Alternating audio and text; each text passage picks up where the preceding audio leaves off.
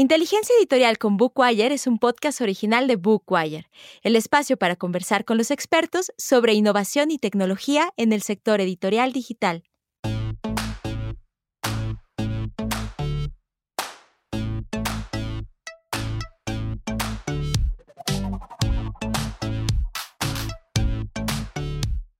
Hola, bienvenidas, bienvenidos a un nuevo episodio. Soy Elena Bazán. Los saludo desde nuestro estudio en Ciudad de México. Tenemos preparado un gran episodio dedicado a cómo cruzar fronteras con los formatos digitales. Hoy recibiremos a Gustavo Cruz, editor de la mexicana Almadía, y a Juan Casamayor, editor de la española Páginas de Espuma, dos editoriales ampliamente reconocidas y me atrevo a decir favoritas en ambos lados del mundo. Pero antes de abrir micrófono, permítanme contarles del informe Bookwire 2022. Por primera vez, nuestra publicación incluye análisis de datos del inicio del año en curso, es decir, pueden consultar información de la evolución del libro electrónico y audiolibros en España y en América Latina del 2021 y del primer trimestre del 2022. ¿Por qué van a leernos en esta nueva modalidad? En Bookwire pretendemos ofrecer una visión de mercado lo más actualizada posible y en esta ocasión hemos sumado el primer periodo postpandémico, con la finalidad de detectar nuevos posibles comportamientos en nuestra industria en el año en curso, después de dos años que ya sabemos todos han sido muy, muy atípicos. Empiezo por aquí para contarles que el informe Bookwire 2022 ya está disponible para que lo descarguen y consulten, y porque pondremos algunos datos de este informe sobre la mesa en la conversación con nuestros invitados.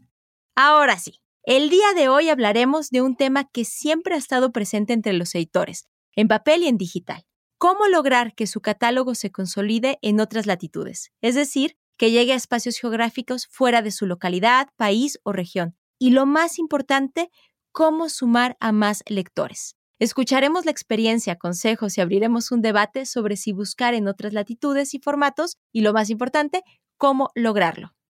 Desde Madrid se conecta Juan Casamayor, editor de Páginas de Espuma, fundada en 1999 con un catálogo especializado en cuento y ensayo. Hola Juan, bienvenido. Hola, muy buenas tardes aquí, buenos días por allí. Y del otro lado del charco, desde Ciudad de México, se encuentra Gustavo Cruz. Él es editor de Almadía, fundada en 2005 en Oaxaca y con un fondo muy enfocado en ficción, pero que no deja de lado géneros como la crónica, el ensayo y la poesía. Hola Gustavo, ¿cómo estás? Hola, muy bien, Ele. hola Juan. Un gusto saludarles a ambos y un gusto conversar. Muchas gracias por estar aquí, chicos. Estoy súper contenta de esta conversación. Y pues quiero empezar con una noticia que leímos en abril del 2022, que decía, Almadía desembarca en España. Esta fue la noticia que nos recibió en la primavera. Y pues yo te quiero preguntar, Gustavo, ¿por qué han elegido este año en específico, 2022, pospandemia, para montar su primera filial fuera de México y por qué España? Eh, bueno, este es un plan que el fundador de la editorial, eh, Guillermo Quijas, tenía desde hace tiempo. Eh, me parece, bueno, la editorial tiene 17 años, yo, empecé a colaborar eh, en ella hace 7, o sea que hay unos 10 años de experiencia que yo no pude presenciar.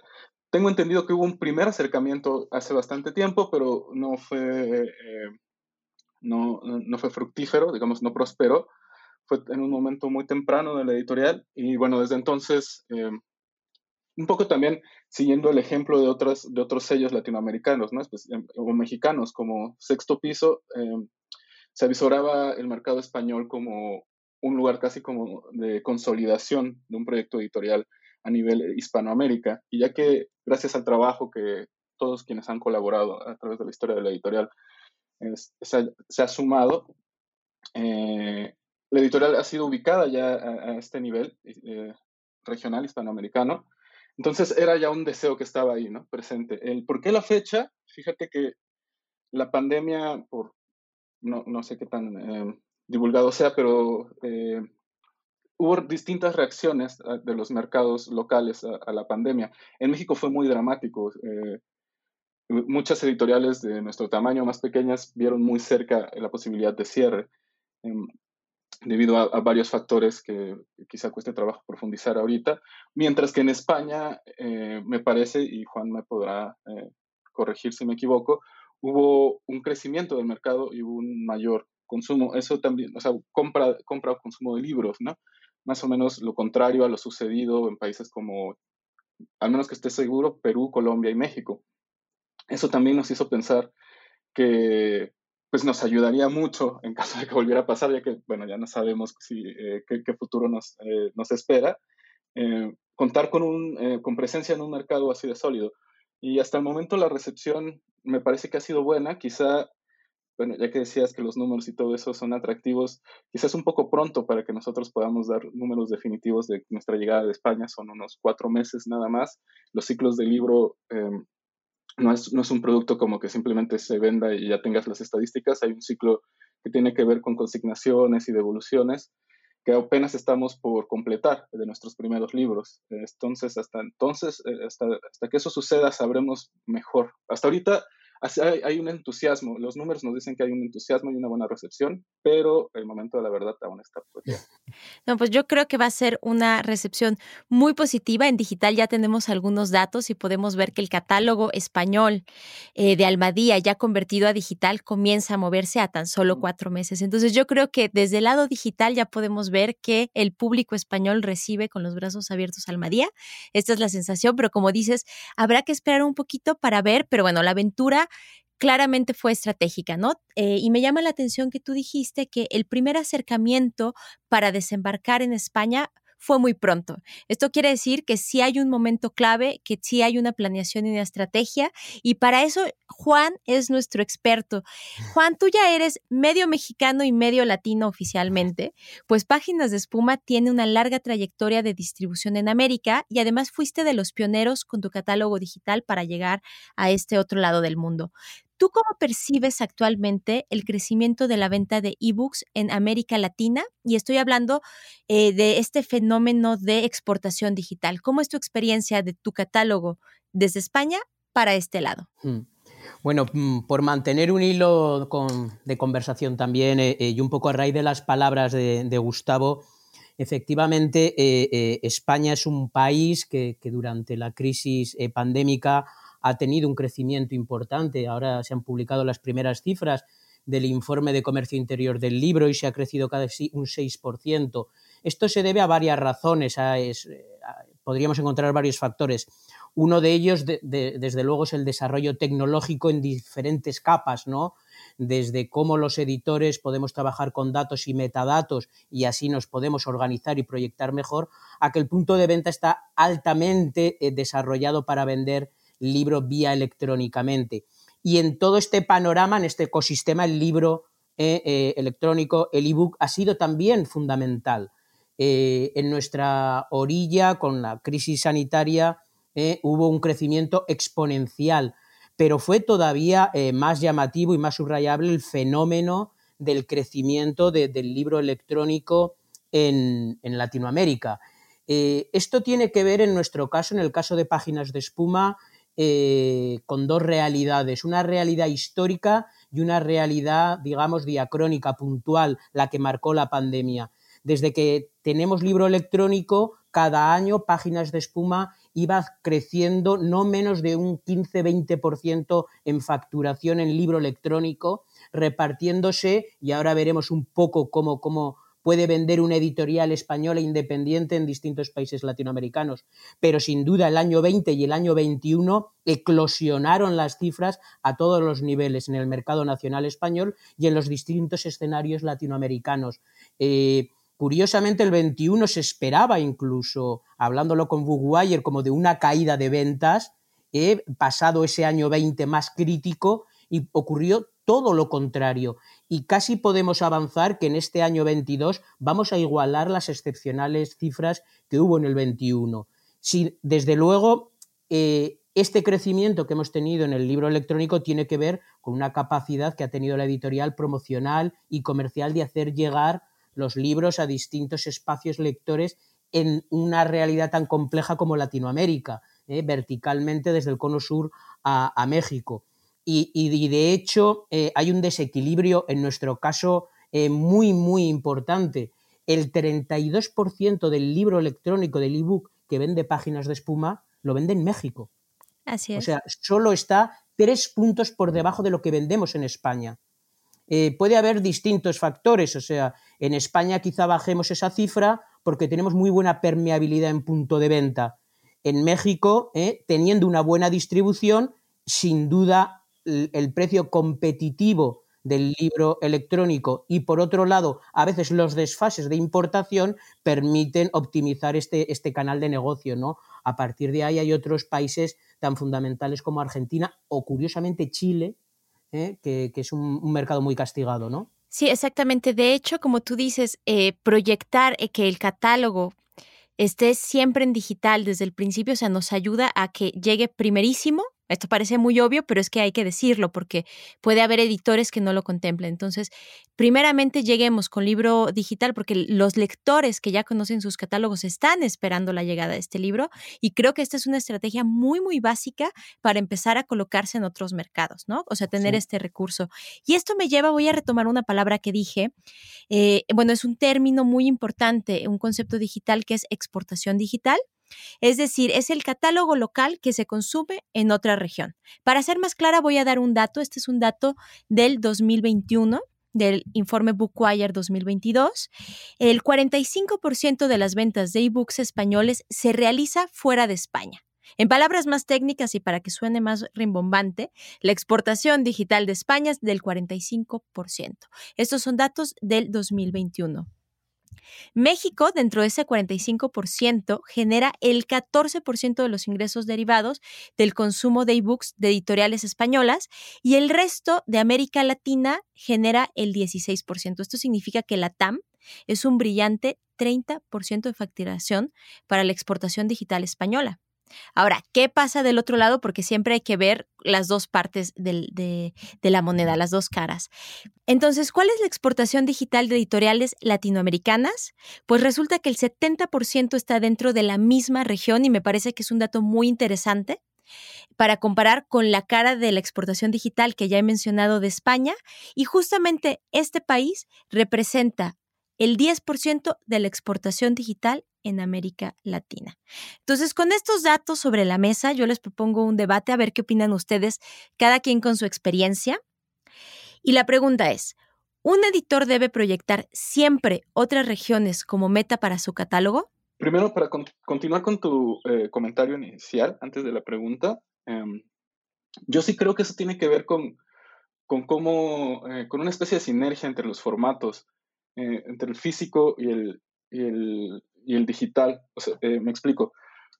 Eh, como bien dijiste hace rato, L, en el digital, a partir de la llegada y de que hay presencia, actividades de la editorial en España, y de que los libros físicos ya se empiezan a ver en, mesas de novedades, supongo, aumentaron las ventas digitales en ese territorio. A lo que voy es que sí sigue siendo el físico lo que genera, digamos, lo que ubica eh, la, editorial y los libros en, en, la mente o en, el, o en el radar de los lectores. Y el formato ya después una, es una elección posterior. Em, también en relación a, las altas ventas quizá en México eh, de, editoriales españoles, también ahí yo sí me ubicaría como lector. El, precio tiene mucho que ver, ¿no? Es, se acerca mucho, son editoriales muy bien ubicadas, o sea, todo lector latinoamericano tiene como referencia a páginas de espuma, anagrama, eh, otras más pequeñas, ¿no? Como eh, libros del asteroide, eh, periférica, todo eso que, que llegan aquí con, con, precios de importación pues, bastante elevados. Entonces, cuando se ofrecen los, eh, los, los, costos de, de, digital, de formato digital, se vuelve muy, muy atractivo, la verdad. Em, pero bueno, de ahí a que si debemos a proyectar o que es un deseo de los editores llegar a otros mercados, pues por supuesto, ¿no? O sea, yo creo que a un nivel de confianza y de apuesta, cada, cada, que un editor decide publicar un título, eh, está convencido de que todo el mundo debería leerlo y de manera literal, un poco, ¿no? Entonces, sí, yo creo que apostaría. Pero también, eh, ahí también llegó a ser un poco utópico, también me gustaría mucho, hay cierta frustración ahí quizá, eh, fortalecer mucho los mercados locales. Me encantaría, por ejemplo, que los autores oaxaqueños que publicamos que son bien leídos en Ciudad de México, por ejemplo, y que nos encantaría, y obviamente vamos a trabajar para que sean leídos en España o en Argentina, que por cierto, este, recién, como la primicia, eh, salió esta semana de imprenta nuestro primer libro eh, impreso en Argentina, y también estamos de fiesta en eso. por supuesto que apostaríamos a eso, pero me encantaría que todo Oaxaca leyera a esos autores, ¿no? Entonces, eso es otro como deseo utópico, digamos, pero más o menos ahí terminaría. Entonces no debemos de perder de vista, claro, porque las proyecciones siempre hacia lo más lejos no deberían hacernos perder de vista nuestro contexto inmediato como editores. Podemos ir por ahí. ¿Tú qué opinas, Juan? ¿Cómo ves este escenario? Sí, esa reflexión del, del contexto más inmediato no se debe perder nunca. O sea, yo creo que en el caso de Almadía es una editorial grande e importante porque ha sabido cuidar lo inmediato y a partir de ahí eh, sabe que su salud pasa por, por ese contexto cercano y que donde se ha ido haciendo fuerte y construyendo. A partir de ahí se pueden proyectar otros mercados. Lo que sí no hay que perder de vista es que no todas las regiones, no todas las geografías configuran un mismo tipo de lectura. Eh, y a partir de ahí las editoriales debemos también ser críticos con nuestro propio catálogo y optimizar aquellos libros que sabemos que van a funcionar mejor. Es verdad que Gustavo ha lanzado una idea que me parece fundamental, que es esa correlación de resultados entre distintos formatos cuando hay una vocación detrás eh, eh, editorial de proyectar mm, una distribución, una promoción, mm, distintas estrategias de marketing. Eso funciona. Mm, pero siempre luego está la singularidad de cada país. O sea, México tiene un ecosistema, por ejemplo, de puntos de venta muy distinto al argentino. Eh, quizá esa constitución propia de la venta mexicana favorezca en algún momento dado la compra del libro electrónico también. Y lo digo porque nosotros tenemos una larga experiencia de impresión en México. Nosotros tenemos casi 60, 70 títulos ya impresos en, México. Vamos camino de un centenar. Y en cambio México sigue siendo el país fuerte en nuestros resultados en ebook. Eh, en Argentina llevamos también un largo proceso de impresión. En cambio, no hay esa correlación de resultados en papel con resultados en ebook. Eh, es decir, que esa proyección a esas regiones, a esa creación de una cartografía editorial, depende mucho de que volvamos, como decía Gustavo, a cada contexto inmediato. Y si bien Almadía, su contexto es Oaxaca y esa literatura eh, eh, mexicana que ha ido fortaleciendo, o la salud de páginas de espuma pasa por su distribución en España, luego hay que cuidar cada contexto eh, allí donde lo proyectes. Si vas a trabajar en Colombia, tendrás que cuidar el contexto inmediato de Colombia y saber incluso que no es lo mismo vender libros en Medellín en Bogotá. Así de sencillo. Y eso eh, eh, es un trabajo editorial de picar mucha, mucha piedra, Elena. Sí, por supuesto. Además, cada, cada región tiene sus propias reglas y como dices, en un país, cada ciudad, y bueno, México, ¿qué te digo? Tan grande este territorio que bromeamos nosotros mismos sobre cómo llegar de un lugar a otro. Y pues Claro que sí, cerremos con esta idea si les parece, que según el contexto inmediato de lectores y de posibilidades de distribución, aquí hablamos física eh, o digital, eh, habrá que contemplar qué pasa en cada espacio y es una estrategia del editor. Y aquí, bueno, creo que lo primero es pensar lo, lo local a la par de lo más lejano, de otros territorios, no perder de vista, ¿no? Creo que estas son algunas ideas centrales. Y hablando de irnos lejos, Estados Unidos. A ver, este es un mercado del que siempre, siempre se habla. ¿Qué pasa con los hispanos en Estados Unidos? Para las editoriales en español, generalmente hay grandes excepciones, pero esto es una especie de, de norma ya. Estados Unidos suele representar entre el tercer, cuarto y quinto lugar de facturación de la venta del libro digital, lo que hace muy tangible la presencia de lectores digitales en, español en Estados Unidos. ¿Qué experiencias han tenido sus editoriales con este mercado tan codiciado por todos los editores en español? Bueno, en este, en este apartado yo también tengo, bueno, yo más bien tengo más preguntas que respuestas, porque yo la verdad no tengo eh, sí, me he preguntado muchas veces qué sucede ahí, porque en nuestro caso eh, eh, Estados Unidos es el segundo territorio en, facturación, lo cual, pero nos ha costado, en el físico ahí sí nos ha costado mucho encontrar una buena distribución, por ejemplo. Entonces pareciera que hay, que hay una cercanía o una... Hay, hay, un público en Estados Unidos, lector de digital, que está al tanto de nuestro, de nuestro catálogo, por vías que realmente me quisiera tener claras para poder atenderlas mejor. ¿no? Em, no, hemos, no he encontrado yo todavía qué sucede ahí, pero sí sé que hay, que hay lectores importantes en español y que además tienen en consideración nuestro catálogo. Em, y, hasta ahí llegó, digamos, ¿no? Em, hemos intentado sí en el físico, pero eh, casi que sin proponérnoslo, ha funcionado muy bien nuestro catálogo electrónico ahí. Y todavía, Diego, eh, insisto, estoy intentando dilucidar cómo es que está sucediendo eso. Sí, yo, yo me sumaría un poco a lo que dice Gustavo, porque eh, eh, sigue habiendo más preguntas que respuestas cuando se habla de Estados Unidos. O sea, se habla de Estados Unidos a veces en términos como de, de, un paraíso idílico eh, que tenemos que perseguir como si la población que habla ahí en español fuera inmediatamente, y lo, me pongo en un espacio muy fenicio, fuera una compradora de libros. Y es más complejo que eso, porque la población eh, que, habla español en, Estados Unidos es muchas veces una población con menos poder adquisitivo, desgraciadamente con un nivel cultural que a veces el libro no es una prioridad en sus hábitos de ocio y eso es una realidad que cuando yo he tenido mesas compartidas con algunos editores estadounidenses que publican español, te, te ponen delante ese fenómeno eh, que es real. Eh. Es verdad que luego hay un tejido académico, universitario muy amplio que, vive. Nosotros en estos casi 25 años de editorial eh, tengo como, como, una doble vertiente. Por un lado es una historia de decepción con Estados Unidos.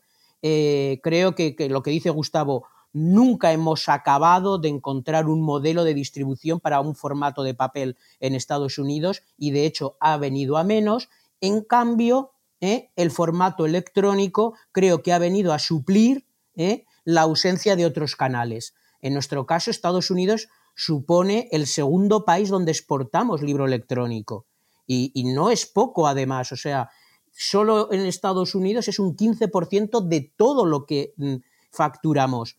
Entonces, quiere decir que sí que hay una demanda, que posiblemente sea una demanda quirúrgicamente muy especializada, muy focalizada en espacios académicos, universitarios, con eh, eh, un tipo de lector eh, excepcional, cuando hablamos de, esa idea generalizada del lector o de la persona que habla español, pero a partir de ahí creo que está mucho por hacer, eso, eso desde luego, pero sí que desde, una, mm, desde un espacio colectivo gremial de España, sí que Estados Unidos se ha ido quedando fuera del mapa, fuera del mapa para los editores. Esa es una realidad absoluta.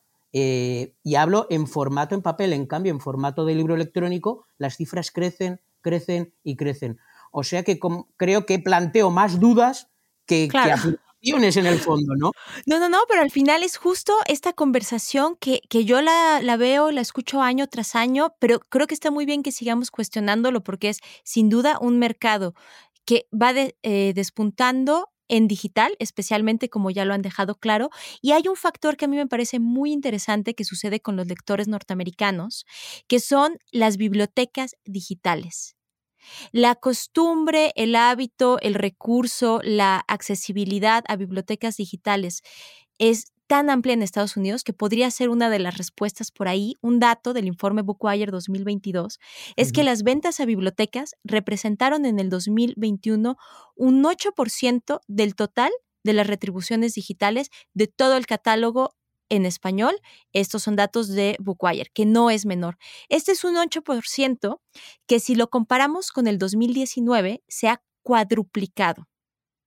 Entonces aquí, pues bueno, seguimos teniendo muchas preguntas con Estados Unidos, pero creo que lo que queda claro es no perdamos de mira a nuestros lectores hispanos en este territorio.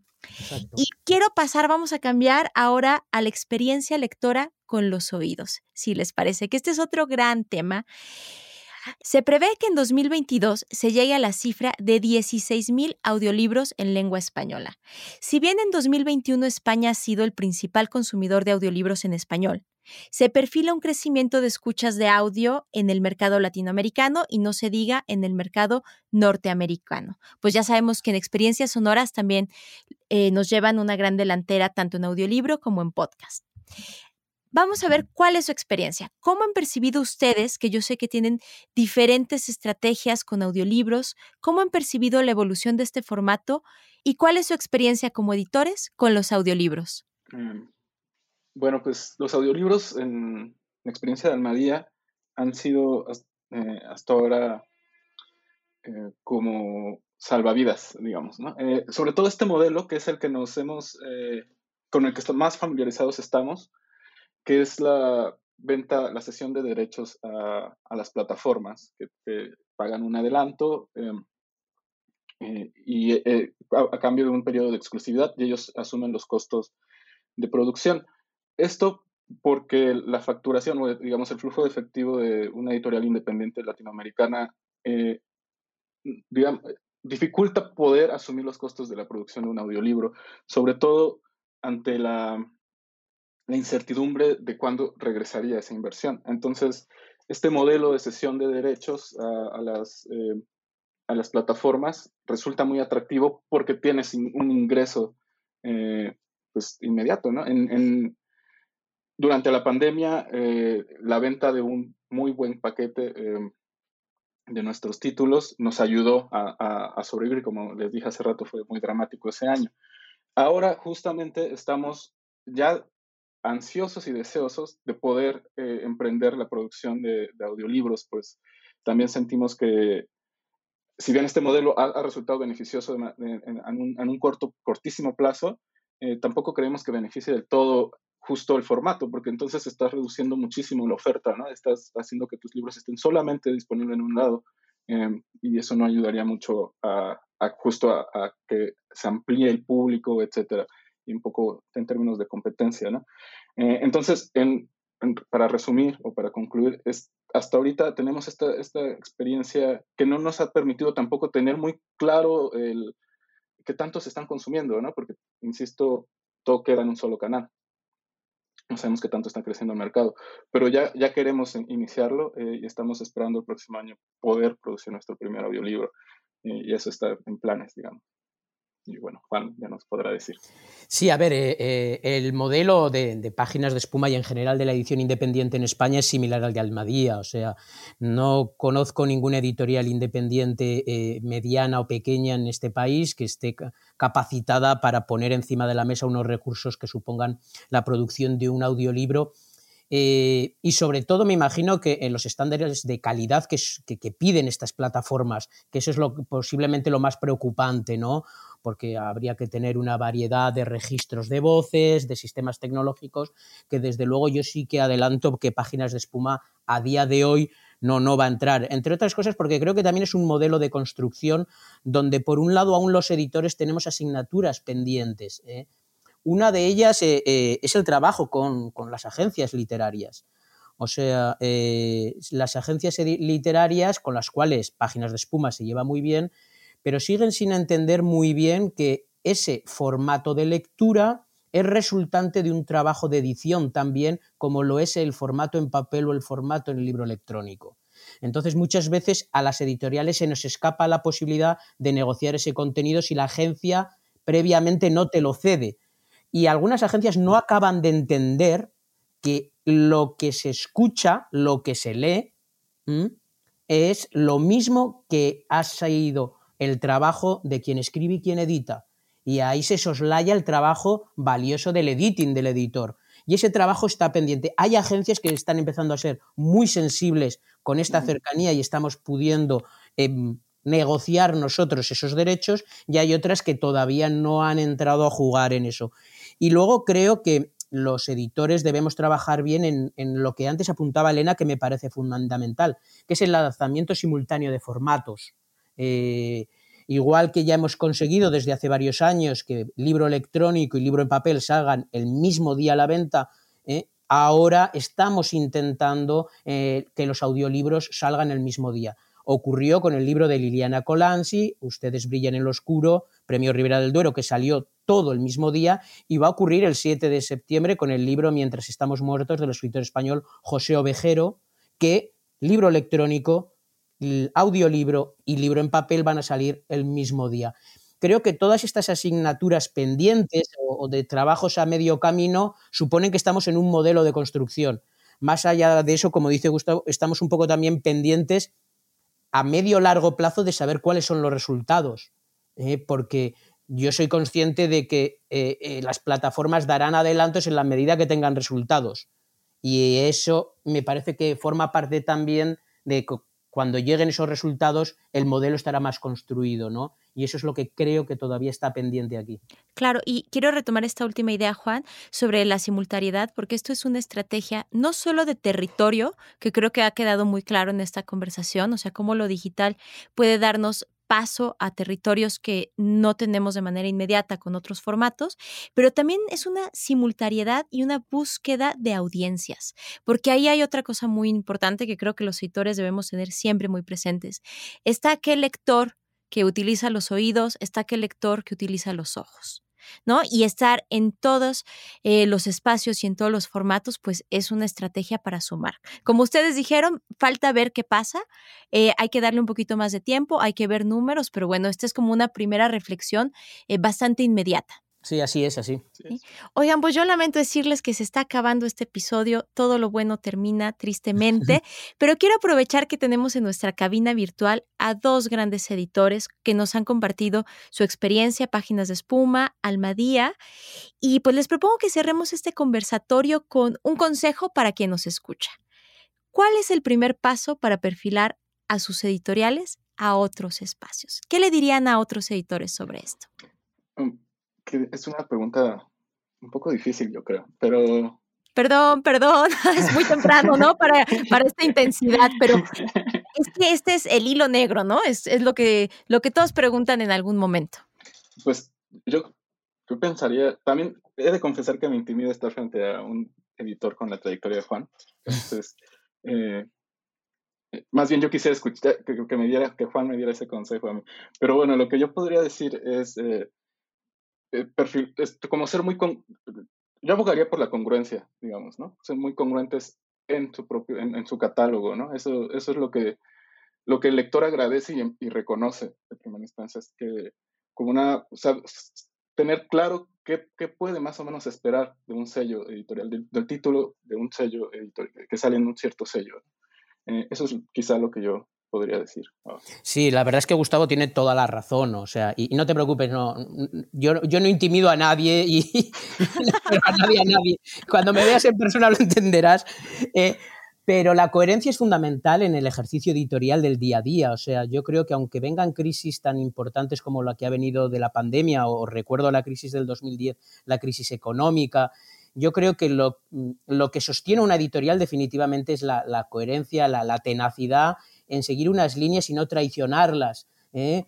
Y estamos muy tentados en el camino a veces de, libros que, sabemos que se pueden vender mejor o líneas que podrían ser económicamente a corto plazo más rentables, pero en el fondo sabríamos que estaríamos traicionando ese contexto inmediato que creó la editorial, y no me refiero a la región, sino a esa semilla editorial, ¿no?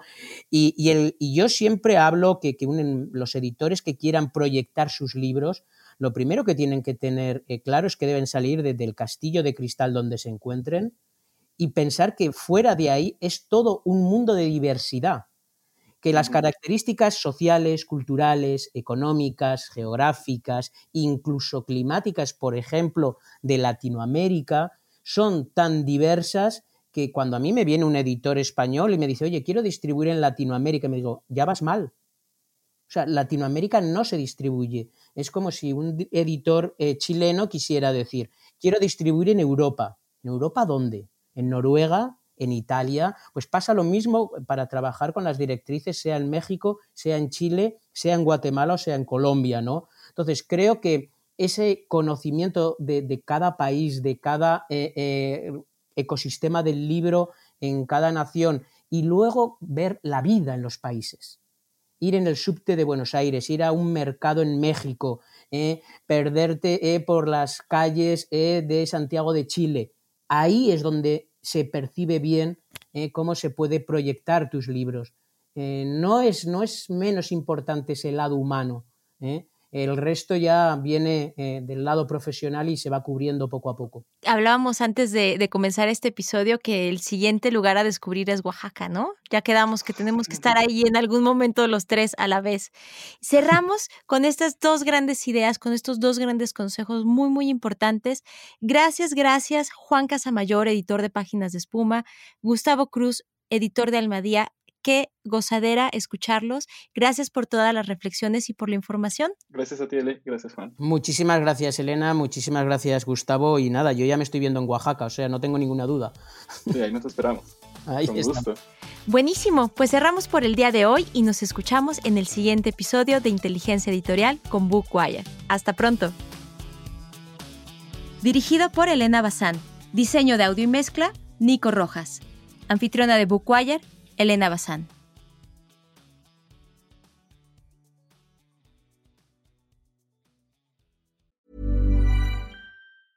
Planning for your next trip?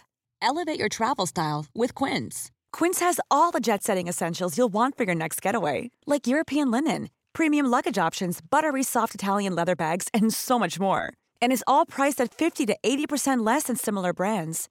Plus, Quince only works with factories that use safe and ethical manufacturing practices. Pack your bags with high-quality essentials you'll be wearing for vacations to come with Quince. Go to quince.com/pack for free shipping and 365-day returns.